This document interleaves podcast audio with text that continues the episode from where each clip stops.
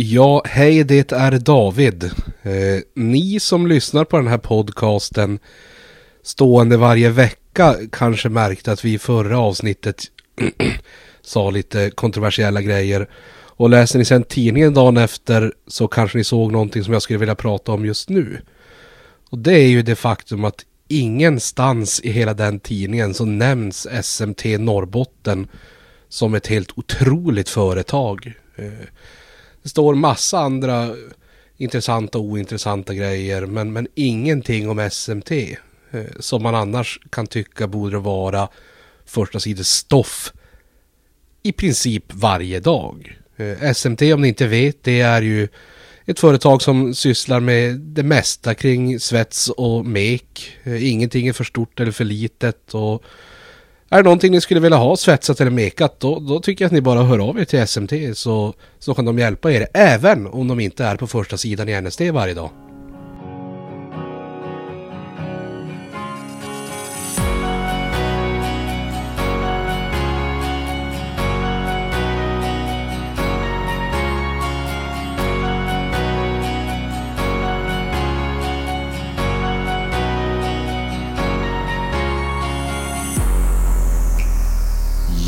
Ja, hallå där basketvänner och varmt välkomna till ett nytt avsnitt av BC Luleå-podden med mig Max Wik och min gode gode vän David Kesonen Nilsson.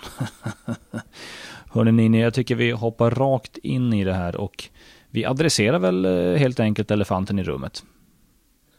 David, din Svenska cupen-sågning som skakade hela Sverige nu här för två veckor sedan ungefär. Står du för det du har sagt? Ångrar du dig?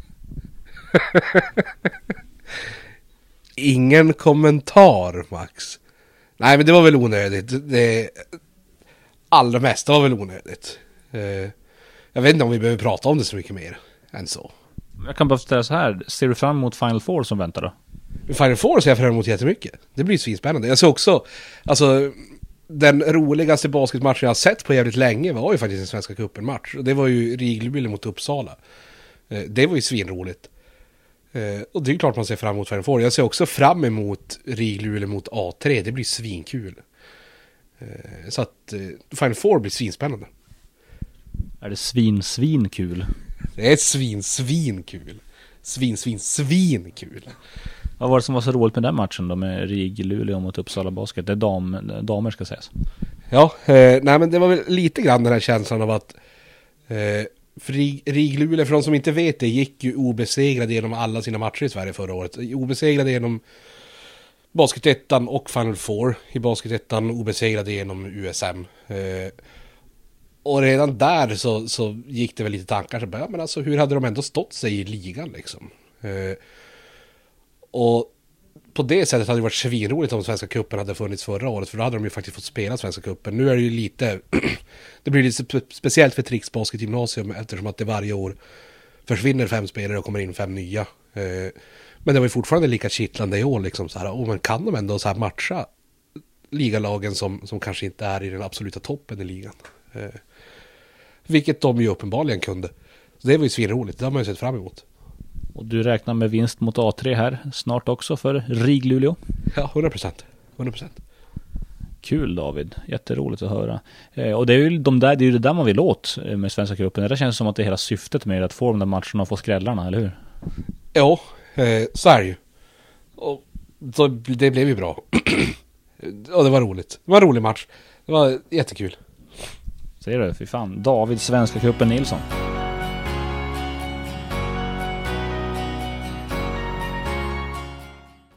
Eh, och det är BC Luleås premiärmatch som spelades förra fredagen mot Vätterbygden Stars. Och vilken otrolig match det var. Det var så otroligt så du, du lämnade hallen i halvtid till och med. ja, eh, det var... Eh, ja, det var ju spännande. Det är kul. Eh, BC Luleå var duktiga. Vätterbygden var också där. Så att det var bra. Ja. Men spontana tankar kring, kring spelet, eh, kring BCDs spel, det är fart och fläkt.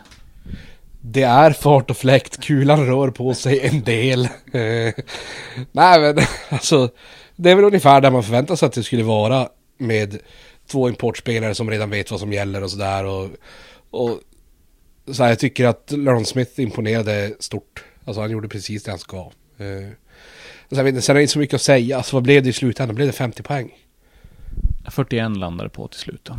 41 poäng. Det är som svårt att, att ta med sig någonting från sådana matcher. Alltså jag, jag tror verkligen inte att Vätterbygden, nästa gång de möts kommer det nog inte bli 40, 41 poäng. Alltså jag tror inte Vätterbygden är så dålig. Vi ska inte läsa in för mycket i det här resultatet tror jag. Eh, alltså, men, men det var en, en klockren premiär, mycket folk, bra stämning, bra introfilm. Bengt Magnussons ljuva stämma ljöd i hela arenan. Eh, och så fick det bli en stor vinst och det tycker folk är roligt. Sen folk som kanske är lite mer belästa inom basket tycker kanske inte att de hade kanske hellre sett en mer spännande match. Men för, för folk som bara är där så är det häftigt med show och så här och vinna överlägset och sånt. Det är kul. Visst är det så. Och sen ska jag tror ändå att eh, som du är inne på här att Vätterbygden har ju flera snäpp till. Självklart. De, de har ju nu allra senast så spöar de ju Norrköping här gjorde ingen supermatch men de spöade ändå Norrköping och det har de gjort två gånger på raken nu här och jag, jag hävdar fortfarande att de kommer vara ett lag för topp fyra eh, när, när, eh, när vi skriver eh, slutspel. Ja, men det tror jag. Alltså, det är ju känslan nu. Sen behöver de ju få ihop det. Nu är det ju två matcher där de kanske har underpresterat i rad. Då. Eh, för som du sa så, så vann de ju mot Norrköping, men det, det såg ju inte övertygande ut, skulle jag vilja säga. Ehm, så, men, men de har flera snäpp kvar och jag är också tämligen övertygad att de kommer vara där kring fyra. Eh, kanske ett fyra, fem eller någonting. Men, men där kring, de kommer inte vara på slutspelsträcket liksom. Och vi går rast vidare igen då, för vi har spelat en bortamatch, säsongens första Eh, i SBL här. Eh, det blev mot Nässjö som vi generellt sett eh, om, historiskt alltid haft väldigt svårt för. Och det, både du och jag såg att det inledde ju lite svajigt. Som det har gjorts många gånger i den där hallen. Men grabbarna steppade upp och blev lite mycket eh, 1-1 där sista fem minuterna i fjärde. Då, då, då kom de tillbaks Nässjö. Det var nere i bara två poäng där och då Axel Nordström gjorde en klassisk Axel Nordström poäng. Han bara köttade i en skottfint, skottfint, en, en armbåge i någons mage och så en, en layup. Eh, och sen så var det där räddat och så ett tufft skott av Brandon Rosell följt av en typ stepback 3 av Quinton Upshur så var så var den matchen över. Men eh, det är aldrig lätt att spela den där hallen och jag fattar fan inte varför. Eh, nej, alltså det är svinmärkligt. Alltså det, är, alltså det är en liten hall och det är ju ändå folk, speciellt när, när alltså sådana här lag kommer på besök. Jag antar att det kommer mer folk när BC Luleå kommer än när något annat lag kommer kanske. Ja, Borås kommer, alltså då är det väl folktomt. alltså, det blir så här att de måste börja stå på pappfigurer på läktaren för att det ska... Ja, ja vi kan, vi kan gå vidare från det. Eh, Alltså, men, men det är ju något speciellt när det blir så här små hallar och folk som sitter nära planen och, och låter mycket. Och så när, när... Det är det här, vi har ju pratat om det tidigare, men i de här lite mindre samhällena eh, där det ändå finns livsglädje till skillnad från vissa andra eh, ställen. Ingen nämning ingen glömd. Eh, men, men det kanske finns lite livsglädje här. Då, det, det blir en jävla stolthet runt laget för de som bor där. Eh, det är väl lite det syndromet som, som BC Luleå på. Luleå är egentligen inte en svinstor stad, men det är en jävla stolthet i varumärket liksom. Och jag tror det blir lite samma grej fast på mindre skala då för sådana här lag som Nässjö. Eh, därför tror jag det blir svårspelat. Eh, för att så är det krasst så det är väl ingen som tror att BC Luleå hade varit i riskzonen och förlora en finalserie eller någonting mot, mot Nässjö. Alltså, men jag menar, strömatcher borta, då kan man fan gå på en mina där. De är, det är klurigt.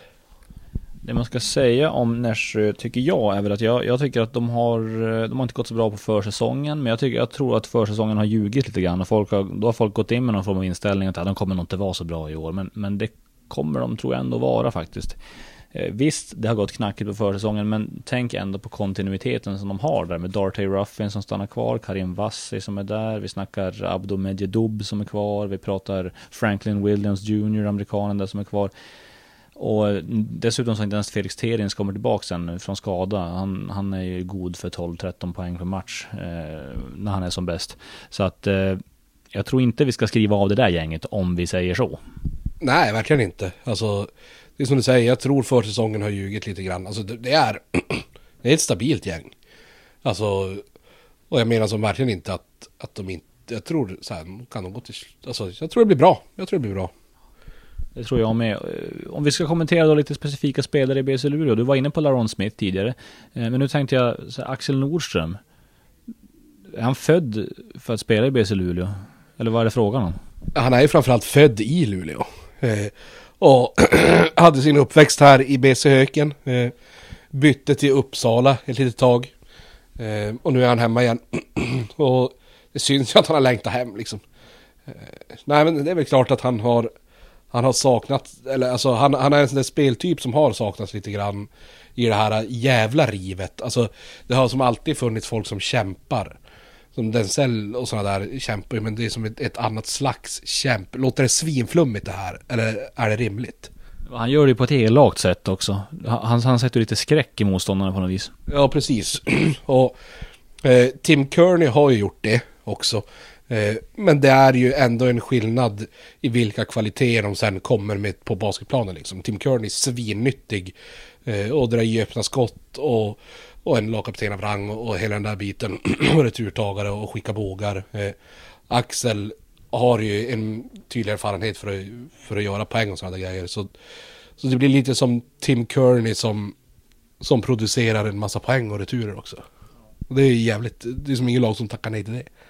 Jag tror vi i fjol eh, lite skojade, skojade runt med smeknamn för, för Corban Collins och Thomas Massambo och nämnde Bruce Brothers någon gång. Men om det är något, något par som har förtjänat titeln Bruce Brothers, då måste det för fan vara Tim Kearney och Axel Nordström va? Vilka jävla screens. Blindside screensen som Axel sätter i, fy fan vad ont det ska göra. Ja, alltså, jag skulle... alltså, om jag hade varit spelare i basketligan här så hade jag så gått in hos min klubbdirektör inför varje match mot PC Luleå och sagt att om jag, om jag är forward i alla fall, alltså, nu vill jag ha 2000 kronor extra för att spela mot PC Luleå, annars gör jag inte. Det är som att på ett vanligt jobb, då får man ju risktillägg, antar jag. Alltså det kunde man ju få, vi kanske inte fick det på LKAB eller någonstans, men, men det finns ju yrken som har risktillägg. När de gör farliga saker. Jag tror de som jobbar i gruvan har ju säkert något sånt där äh, tillägg för att de behöver jobba under jord. Borde finnas en sån där grej i i basketligan att spelare som möter Axel Nordström och Tim Kearney borde få någon slags risktillägg på lönen. tycker jag. Det är en jävligt spännande tanke och det här ska vi ta vidare till högre instans, eh, tycker jag på en gång. Eh, jag tycker vi fortsätter prata lite om LaRon Smith och har, jag vet inte hur mycket vi har tjatat om honom, men det vi har sagt, eh, jag, jag känner mig lite som en trasig skiva, för jag pratar med en miljon människor om dagen om BC Luleå, så jag vet inte vad jag har sagt i podden, vad jag har sagt till Jesper Ponturo på NBBF, vad jag sagt till dig privat, vad jag sagt, ja du fattar. Men det man kan säga om Laron Smith är att om vi nu jämför honom till exempel med Rob Gilchrist i fjol som gärna ville vara ute på trepoängslinjen och skjuta. Gärna första skottet i matchen också vill han dra i från trean. Det skulle ju aldrig eh, föresväva Laron Smith att hitta på någonting sånt. Nej, och det är ju svinskönt. Alltså, det är... Eh, det är ju alltid jävligt skönt när man inte behöver coacha bort sådana grejer ur spelare. Alltså när man vet att de vet vad de ska göra. Och jag inte behöver oroa mig för att, men om vi tar Gilchrist som exempel där med att hålla på och skjuta treor eller turnaround jumpers eller någonting och så vill man bara säga så, så nej Gilchrist, du får dunka och blocka skott eh, och hopphucka över axeln eller någonting, fan vet jag. Eh, inte hålla på med allt det här andra. Eh, och det är ju skönt att slippa det orosmomentet när man coachar en spelare att de ska ge sig ut på alldeles för djupvatten. Och de tendenserna säger ju, som du säger så, så Laron Smith verkar ju inte ha de tendenserna. Att ge sig ut på, den, på det djupa vattnet. Men det är sagt ingenting ont om Rob Gilchrist. Det kan gjorde en, bortsett då kanske från eh, kvartsfinalserien tyckte han gjorde en jättefin säsong. Ehm, men det man kan säga också om Laron Smith är att det, det, är ju sjukt tydligt att de där armarna är fan, jag undrar om de inte är 2,46 om han har ljugit lite grann.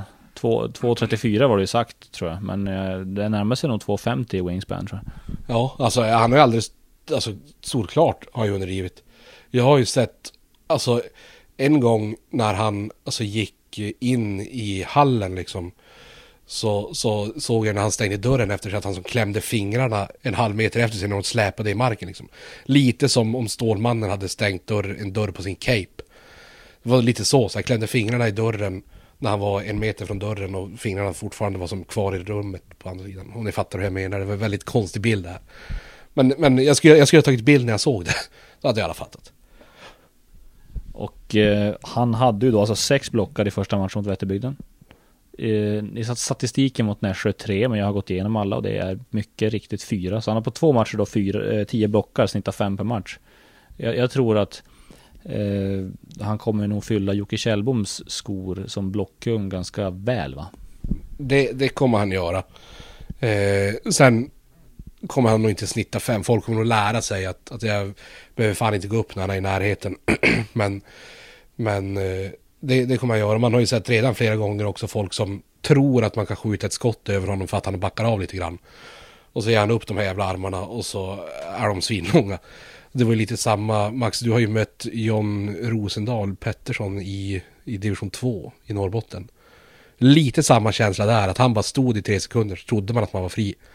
Och så började man skottrörelsen och så sträckte han bara ut en hand. Så man, ah, den där sträckte över hela plan. Liksom. Det är lite fusk. Det, det, är fusk, men eh, sånt är livet och det finns inga regler mot, mot att man inte får ha långa armar. Får man, får man plastikoperera sig för att få längre armar? Måste gå att göra på något sätt känner jag. Alltså inte i någon led kanske, men om jag bara hugger av min så här överarm och så förlänger jag med 3 decimeter titan så här mellan skelettet och så stoppar jag ihop igen. Så att jag får 6 decimeter längre armar. Är det, är det olagligt? Eh, oklart, men jag tänker att eh, tror du behåller full rörlighet efter den här operationen? Eh, jag vet inte, det får bli någon så här slags av, alltså jag tänker så här, ja, det är ju svårt att bli van vis, vid det igen liksom.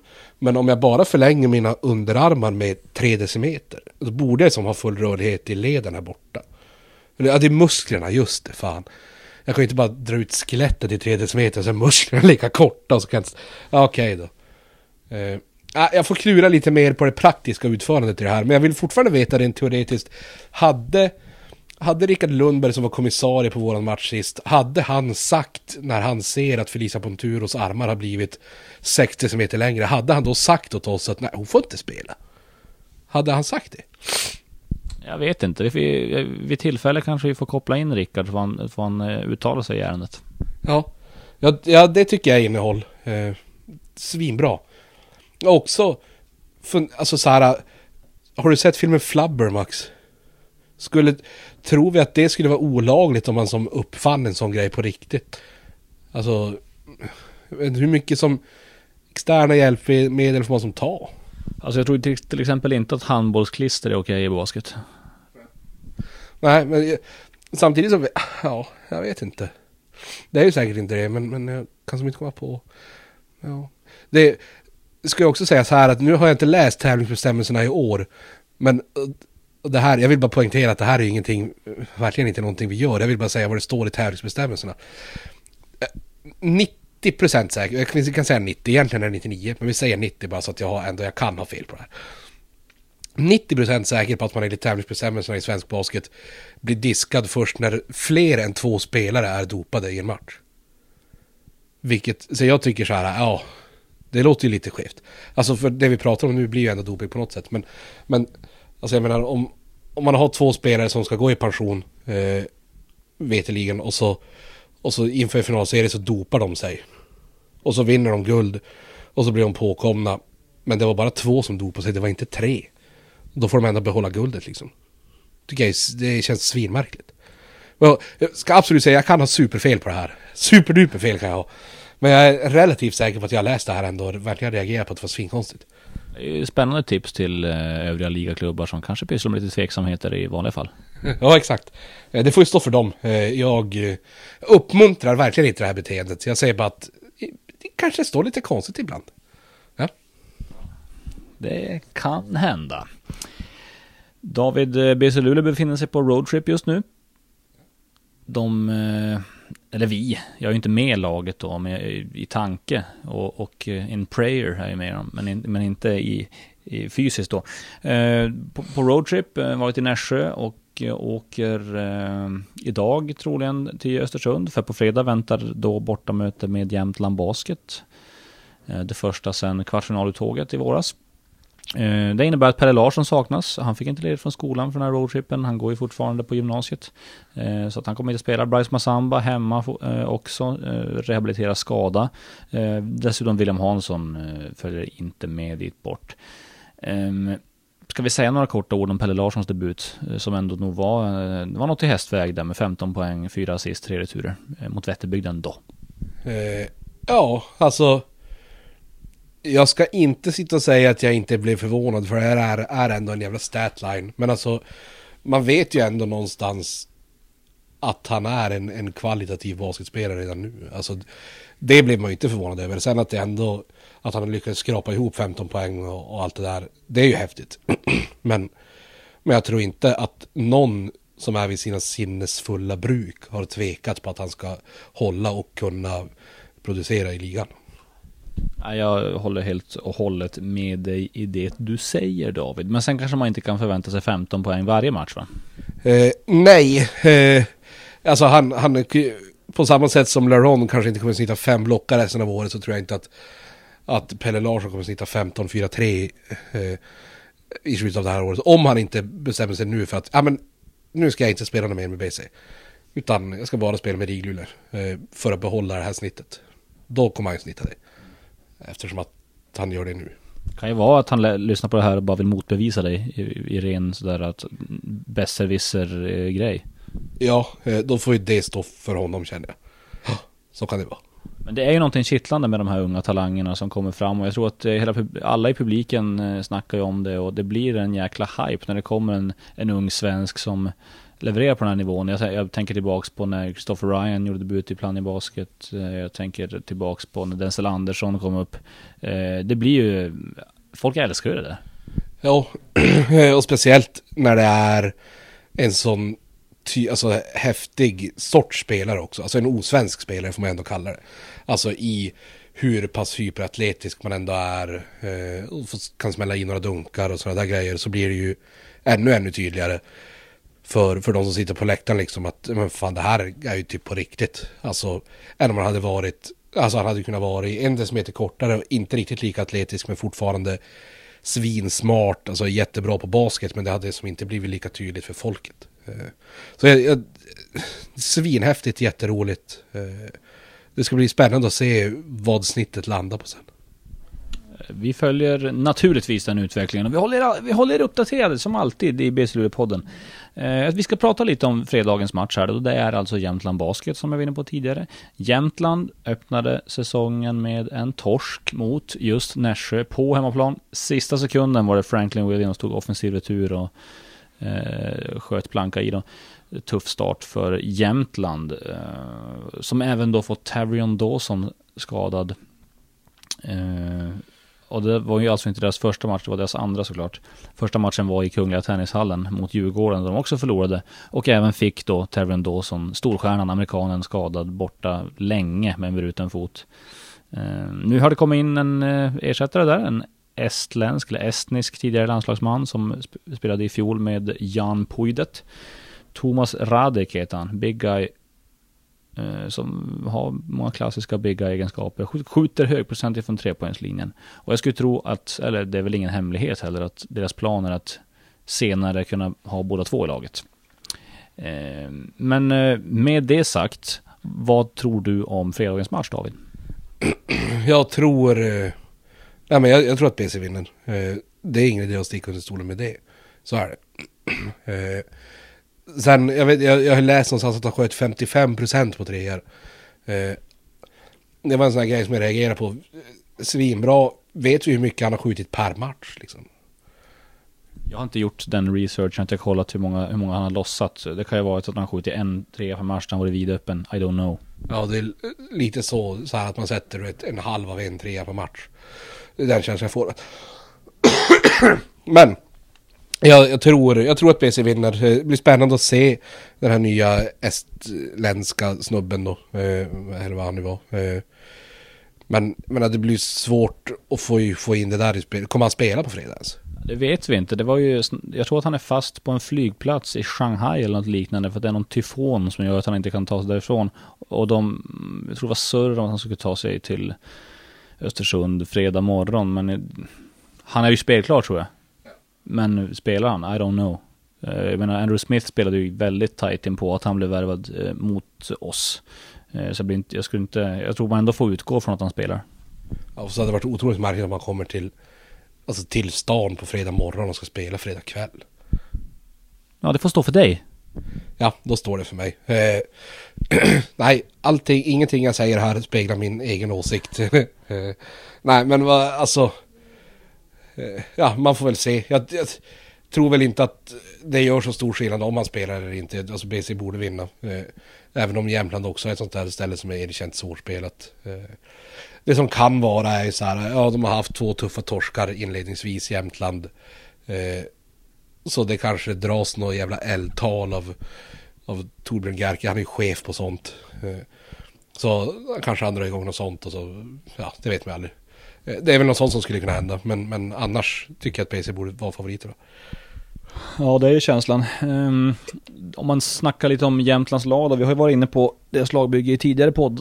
Avsnitt också, men eh, det skiljer sig tycker jag väldigt mycket från det de haft tidigare. De hade ju i fjol då två frejdiga garder i form av Taven Myers och Adam Rönnqvist som gjorde det mesta offensivt. Nu har de flyttat över fokus och tänker att den offensiva produktionen ska komma från forwardposition. Jordan Semple och då Tavion Dawson som är skadad.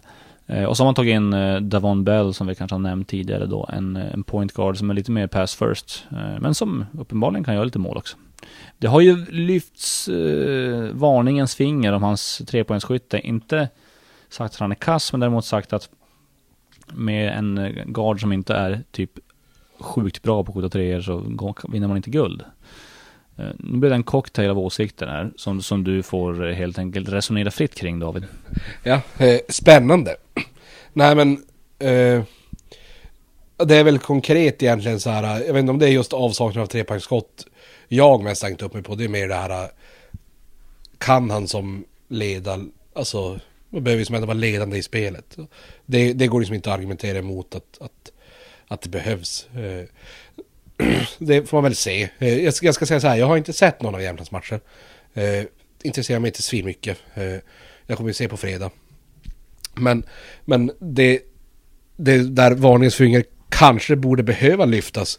Det är ju alltså motståndarnas point guards produktion mot Jämtland. Eh, alltså vad gjorde han snubben i, i Djurgården? Ja, han gjorde 35 poäng.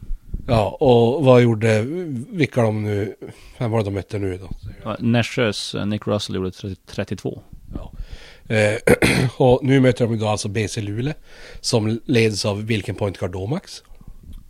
Brandon Rosell. Ja, och vad skulle du säga att Brandon Rosells spetskompetens är Max? Get buckets. Ja, eh, så att det är så här om, om det fortsätter på det sättet. Eh, jag menar Brandon Rosell får gå och smälla i 40 poäng eller någonting. Ja, alltså då är det ju otroligt svårt spelat. Och sen, som sagt, jag har inte sett matcherna. Det kan vara tillfälligheter. Eh, men jag menar, blir det en tredje match nu där, om vi säger att Brandon Rosell gör 35, eller vad fan han nu gör. Ja, då behöver man ju kanske börja fundera på vad, vad, vad är det som pågår liksom. Men det blir svinspännande att lyssna på i nästa podd. Nu lät det som att jag avslutar podden, det gör jag verkligen inte.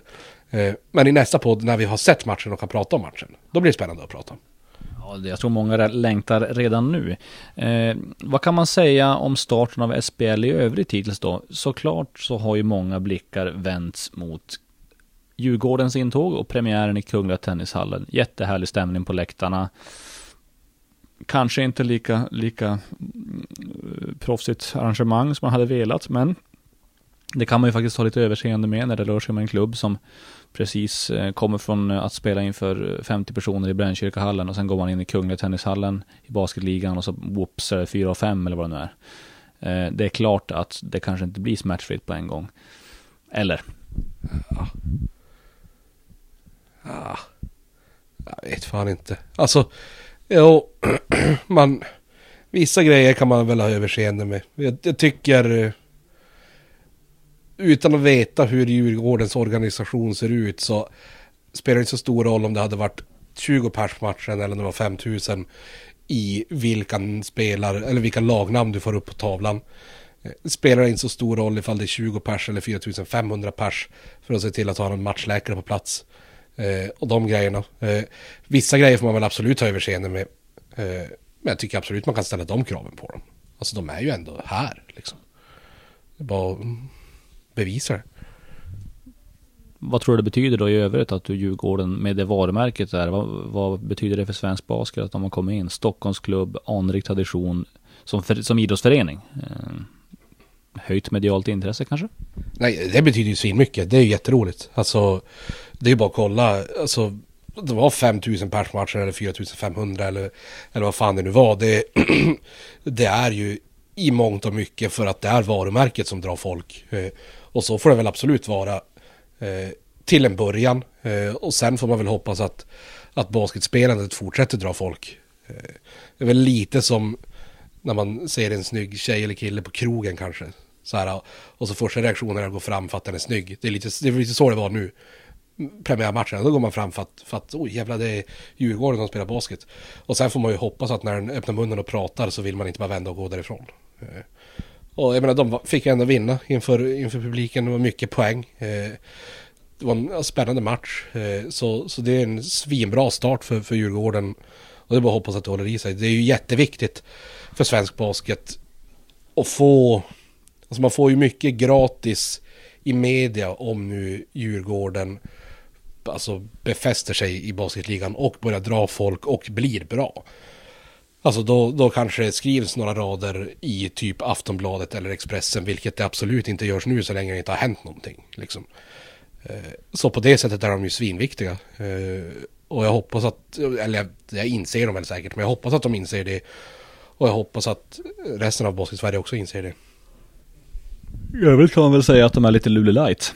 De har, de har Charles Barton som har coachat och spelat i Luleå. De har Brandon Barton som har spelat i Luleå. De har Jannik Anzaloni som har spelat i Luleå. De har Wille Larsson som har spelat i Luleå. Det är kul att de tittar upp mot ja, draken i norr. Och ja, man försöker härma lite grann.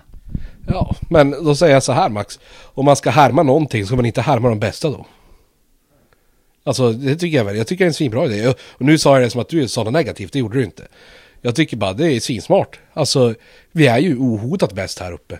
Alltså på basket och allt. Eh, så på det sättet är det väl svinsmart att de, att de så inom citationstecken då härmar oss. Eller tar folk som, som är födda och uppvuxna i Luleå. Uppvuxna. Uppvuxna, vad fan är det för ord? Eh, men som är födda och uppvuxna här. Eh, och ta dit dem och, och sprida gospeln lite grann. Det är häftigt. Smart. De är kloka de där i Djurgården. Det sista vi gör idag är att vi river av saker som inte hänt. Saker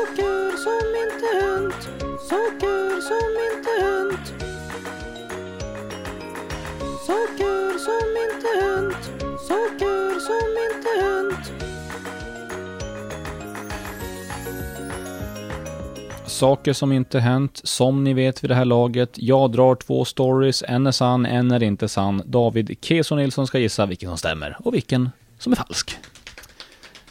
Vi kör på en gång. Säsongen 2018-2019. Vi backar bandet till den.